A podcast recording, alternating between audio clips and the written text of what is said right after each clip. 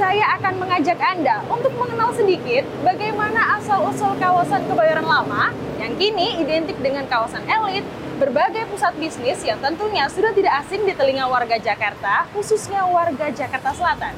Nah, tapi tahukah Anda kalau nama Kebayoran diambil dari nama kayu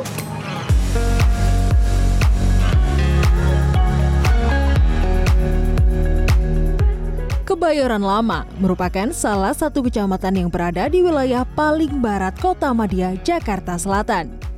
Sejarawan publik Hendaru Trihanggoro mengatakan, pada masa sebelum kemerdekaan Indonesia, nama Kebayoran sendiri diambil dari bahasa Betawi, yakni kebayuran, yang berarti tempat penimbunan batang kayu bayur yang tumbuh di wilayah selatan kota.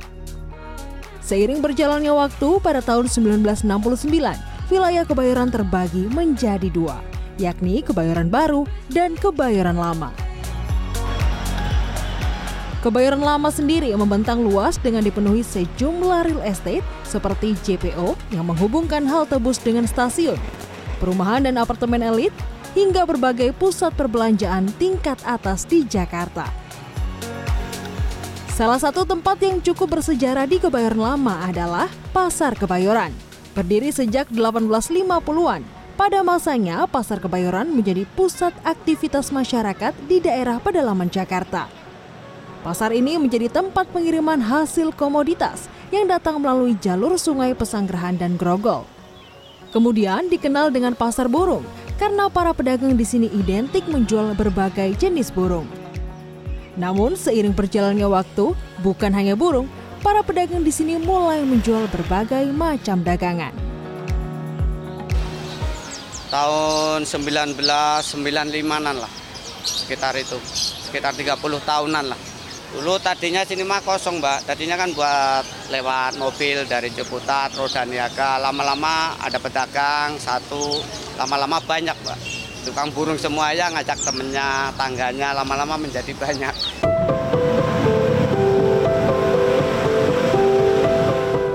Bangunan bersejarah dan ikonik di Kebayoran Lama lainnya adalah Gereja Ortodoks Rusia Saint Thomas yang berada di kawasan Gandaria. Tanpa pelang nama bertuliskan gereja, bangunan ini berdiri tepat di samping sebuah mal besar yang cukup terkenal di kawasan ini.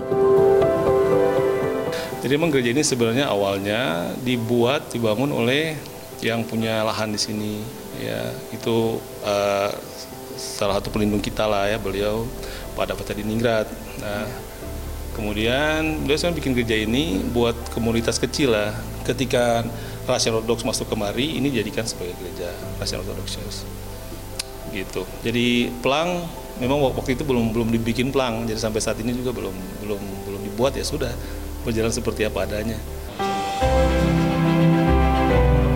Geliat gereja ortodoks di Indonesia sendiri dimulai pada 1988. Kala itu, gereja ortodoks berdiri pertama kali di Solo, Jawa Tengah, sehingga menambah keberagaman umat Nasrani yang didominasi oleh Protestan dan Katolik. Kemudian mulai berkembang hingga ke daerah Jakarta.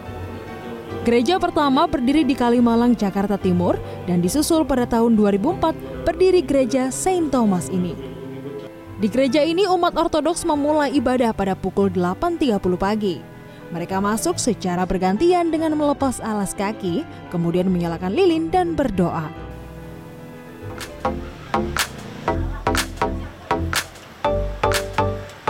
Setelah berkeliling, tidak lengkap rasanya kalau belum kulineran.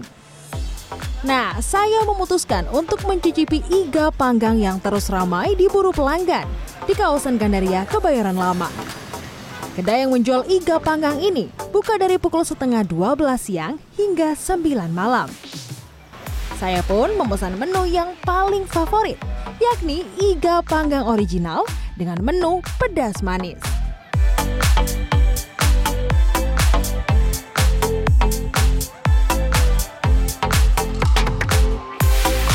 Pertama, bumbunya meresap banget bahkan sampai ke tulang. Karena tulangnya hmm, manis banget. Dan yang paling penting, daging iganya empuk, jadi ketika dimakan nggak susah. Ngeliat porsinya yang sejumbo ini justru bikin saya makin pengen terus nambah.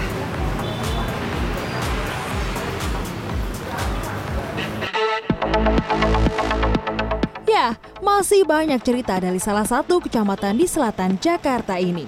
Namun, waktu tidak bisa dihentikan Perubahan demi perubahan pun akan terus terjadi menyesuaikan dengan masanya. Gadis Rose, Indra Raharja, Jakarta.